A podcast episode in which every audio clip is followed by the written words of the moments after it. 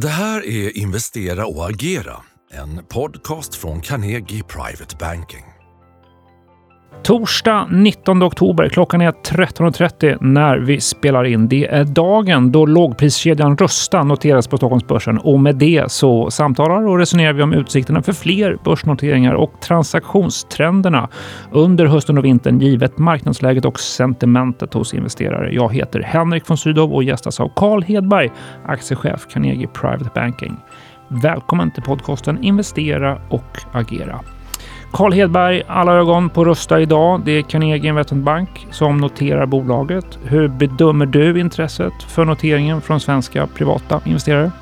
Jag skulle säga att det hade varit ett, ett stort och brett intresse från den här eh, transaktionen och det är ju intressant just ur perspektivet att det hade varit ett ganska långt uppehåll sedan vi såg många börsnoteringar så att eh, det, det, blir många som eh, Eh, har ett stort intresse av att följa starten för den här. Men jag skulle säga att det, det har varit ett brett intresse för den här. Många som gillar bolaget och jag tror att den har haft många eh, faktorer som faktiskt talar för just det här breda intresset. Att eh, den passar ganska väl in i det här marknadsklimatet. Mm, vi ska komma tillbaka till de faktorerna. Ska vi bara börja med att kort prata om vilket är mottagandet. Om du skulle ha ett kort omdöme om starten för Östa, första halva handelsdagen då, vilket är det? Ja, men jag skulle säga en stabil start, helt klart. Eh, aktien är något upp från introduktionskursen.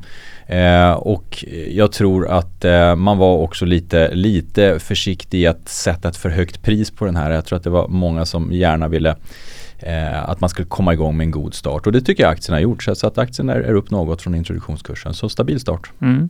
Och om du skulle beskriva så att säga, liksom både tajmingen och marknadsläget för noteringen. Vilken miljö är det som aktien och bolaget landar in i? Det är ju givetvis en tuff miljö på det sättet att det har varit en väldigt avvaktande marknad. Eh, man har varit väldigt försiktig till bolag som inte har eh, bevisat sig eller har en lång historik. Eh, man har dessutom sett en, liksom en tydlig avvaktande inställning till konsumentinriktade bolag.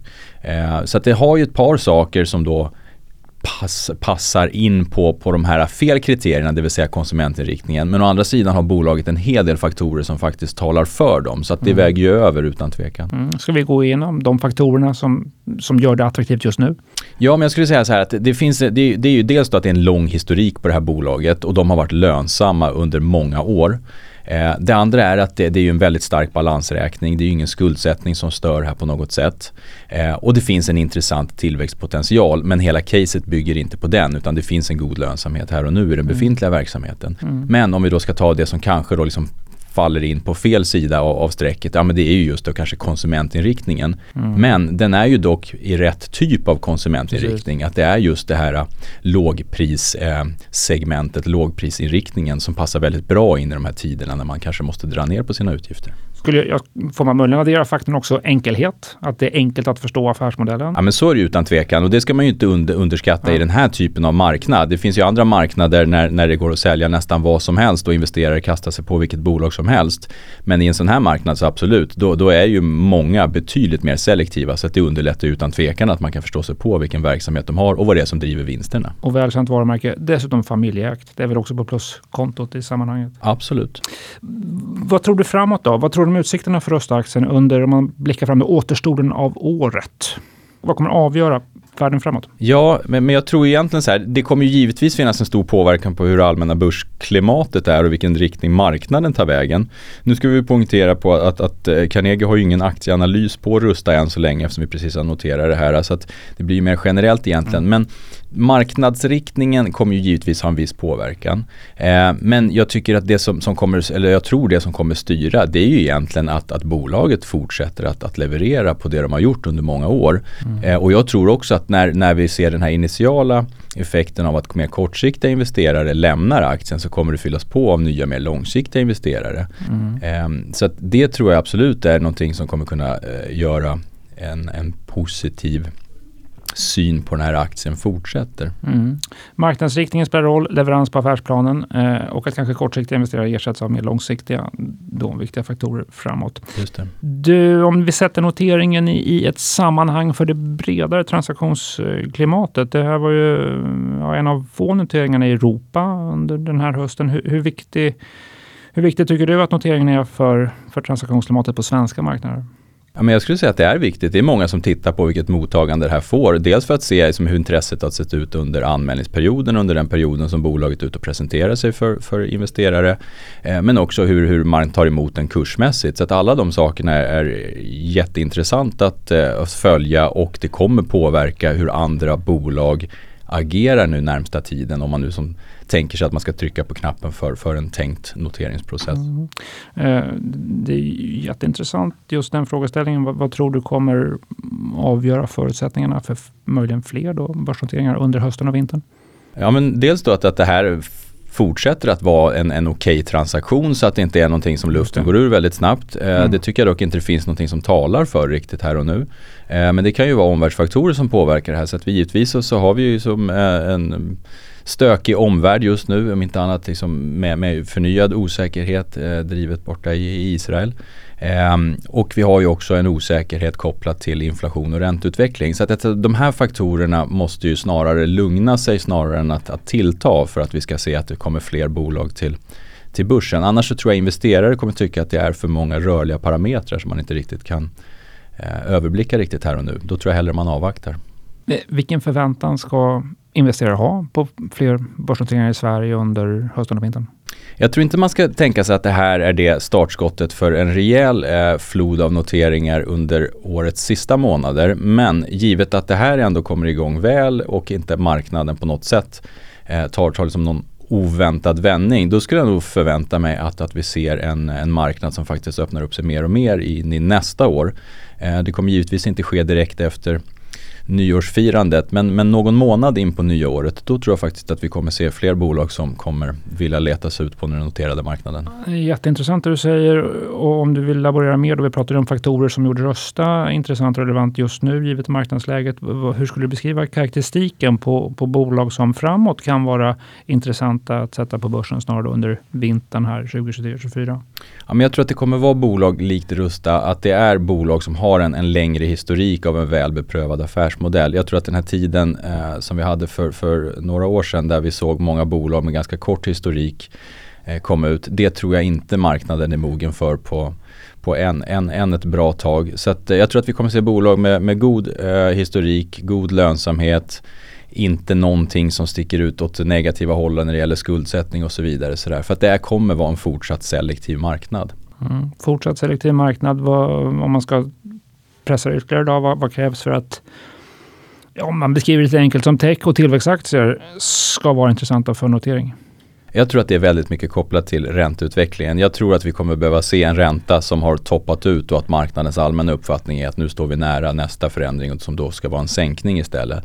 Att det då i sin tur driver någon riskvilja att börssentimentet börjar komma tillbaka. Så att, att investerare börjar bli lite mindre avvaktande eh, och att man börjar faktiskt se att, eh, att, att, aktier på nytt blir ett, ett, eh, ett investeringsalternativ som, som avkastar betydligt bättre än vad, än vad räntealternativet gör. Mm, så ränta ned och risk upp? Ja men det skulle jag säga, riskvilja upp. Riskvilja upp förstås. Ja. Du, eh, hur ska investerare tänka vid, vid en notering? Vilka, vilka faktorer är viktiga för att det ska bli en bra investering? Jag skulle säga värderingen är väl absolut det första. Um, men i kombination med, med en historik så att man faktiskt kan göra sig en, en god bild av vad den framtida utvecklingen kommer vara. Eh, det kan absolut vara så att ett bolag kan växa in i en något för hög värdering men det får inte vara för, för mycket osäkerhet i det här. Så jag skulle säga alltså, att en, en god historik och en väl beprövad affärsmodell och ändå någonting som, som eh, drivs av, av lite mer långsiktiga trender. Då tror jag att man har faktorer som kommer kunna tala för en, en bra utveckling värdemässigt. Mm, tre faktorer att ta med framåt. Ska vi avsluta också med det allmänna marknadsläget då? Det har ju varit en viss volatilitet de två sista veckorna sedan vi spelade in senast, du och jag. Eh, denna vecka har vi också sett starten då på svenska rapportsäsongen. Hur skulle du beskriva marknadsläget? Marknadsläget är ju fortsatt avvaktande. Det finns en viss försiktighet men det är lite grann det här vi har pratat om vid flera tillfällen tidigare. Att det är någon form av balansgång eller lite dragkamp mm. mellan just ett, ett nuläge som ändå är helt okej. Eh, vi ser framförallt en amerikansk ekonomi som fortsätter att vara rätt så, så, så pigg och en stark arbetsmarknad. Mm. Eh, och de här då stora internationella bolagen, men de gynnas ju av det här och, och, har fortsatt goda vinstnivåer. Men man ser ju samtidigt att det finns en större osäkerhet i när det gäller prognoser för, för kommande kvartal och eventuella för, försiktigheter i de uttalandena, det, det slår ju absolut på, på aktiekurserna. Men jag skulle säga så att eh, avvaktande marknad fortsättningsvis. Eh, rapportstarten har absolut levt upp till förväntningarna mm. överlag skulle jag säga. Mm. Men att det är lite grann tilten åt de här kanske lite mera försiktigt defensiva bolag. Vi har sett banker och teleoperatörer faktiskt som har överraskat bäst rapportmässigt och fått bäst betalt för i kursreaktionerna. Mm, Medan de mera konjunkturkänsliga bolagen har levererat bra siffror men inte riktigt lika bra kursmässigt. Rapportstarten levt upp till förväntningarna på en aggregerad nivå. Framåt, eh, vad fäster du blicken på just när det kommer till rapporterna som ju nu rusar in? Ja men det första blir, det blir ju resultatet absolut. För bommar man på de förväntningarna då kommer vi nog se en kurs som kan röra sig neråt ganska snabbt på, på, på de flesta bolag. Så det är väl nummer ett. Eh, men sen är det mycket fokus på prognoserna. Eh, givet liksom att, att man klarar det här första, leva upp till förväntningarna på, på kvartalsresultatet. Då blir det prognoser i den mån man kan ge någon form av indikation på de kommande kvartalen. Eh, men sen också väldigt intressant att se vilket mottagande man ser kursmässigt, hur investerare tar till sig den här eh, informationen. Och det tycker jag är lite intressant just med, med bank och teleoperatörer där som har fått väldigt bra betalt på kurs eller på rapportdagarna helt enkelt. Så ett litet tecken på att de börjar komma tillbaks lite grann mer in i värmen hos investerare. Jätteintressant. Eh, Carl Hedberg, aktiechef på Carnegie Private Banking. Tack för att du deltog. Och på temat då framtida möjliga börsintroduktioner så samlade Carnegie i veckan 10 unga bolag och 20 entreprenörer inom ramen för vårt initiativ Framtidens entreprenör tillsammans med Svenska Dagbladet. Vi träffade bolag som AbleMind, AI, Medical Technology, Digitala lagkassan, For Real Food, Helios, Svum, Revive, Skycraft, Springy, Lex Energy som då tog del av pitchträning och hur bolag förbereder sig på bästa sätt för kapitalanskaffningar. Läs mer om feedbacken till de bolagen, eh, vad vi ägnade tiden åt under dagen och bolagens möte med investerare i Svenska Dagbladet och på svd.se. Nästa avsnitt av den här podcasten det släpper vi torsdag 26 oktober. Tack för att du lyssnar. Är du intresserad av topprankad aktieanalys och unika investeringsmöjligheter? Gå då in på carnegie.se privatebanking och lär dig mer om vad du får som private banking-kund hos oss.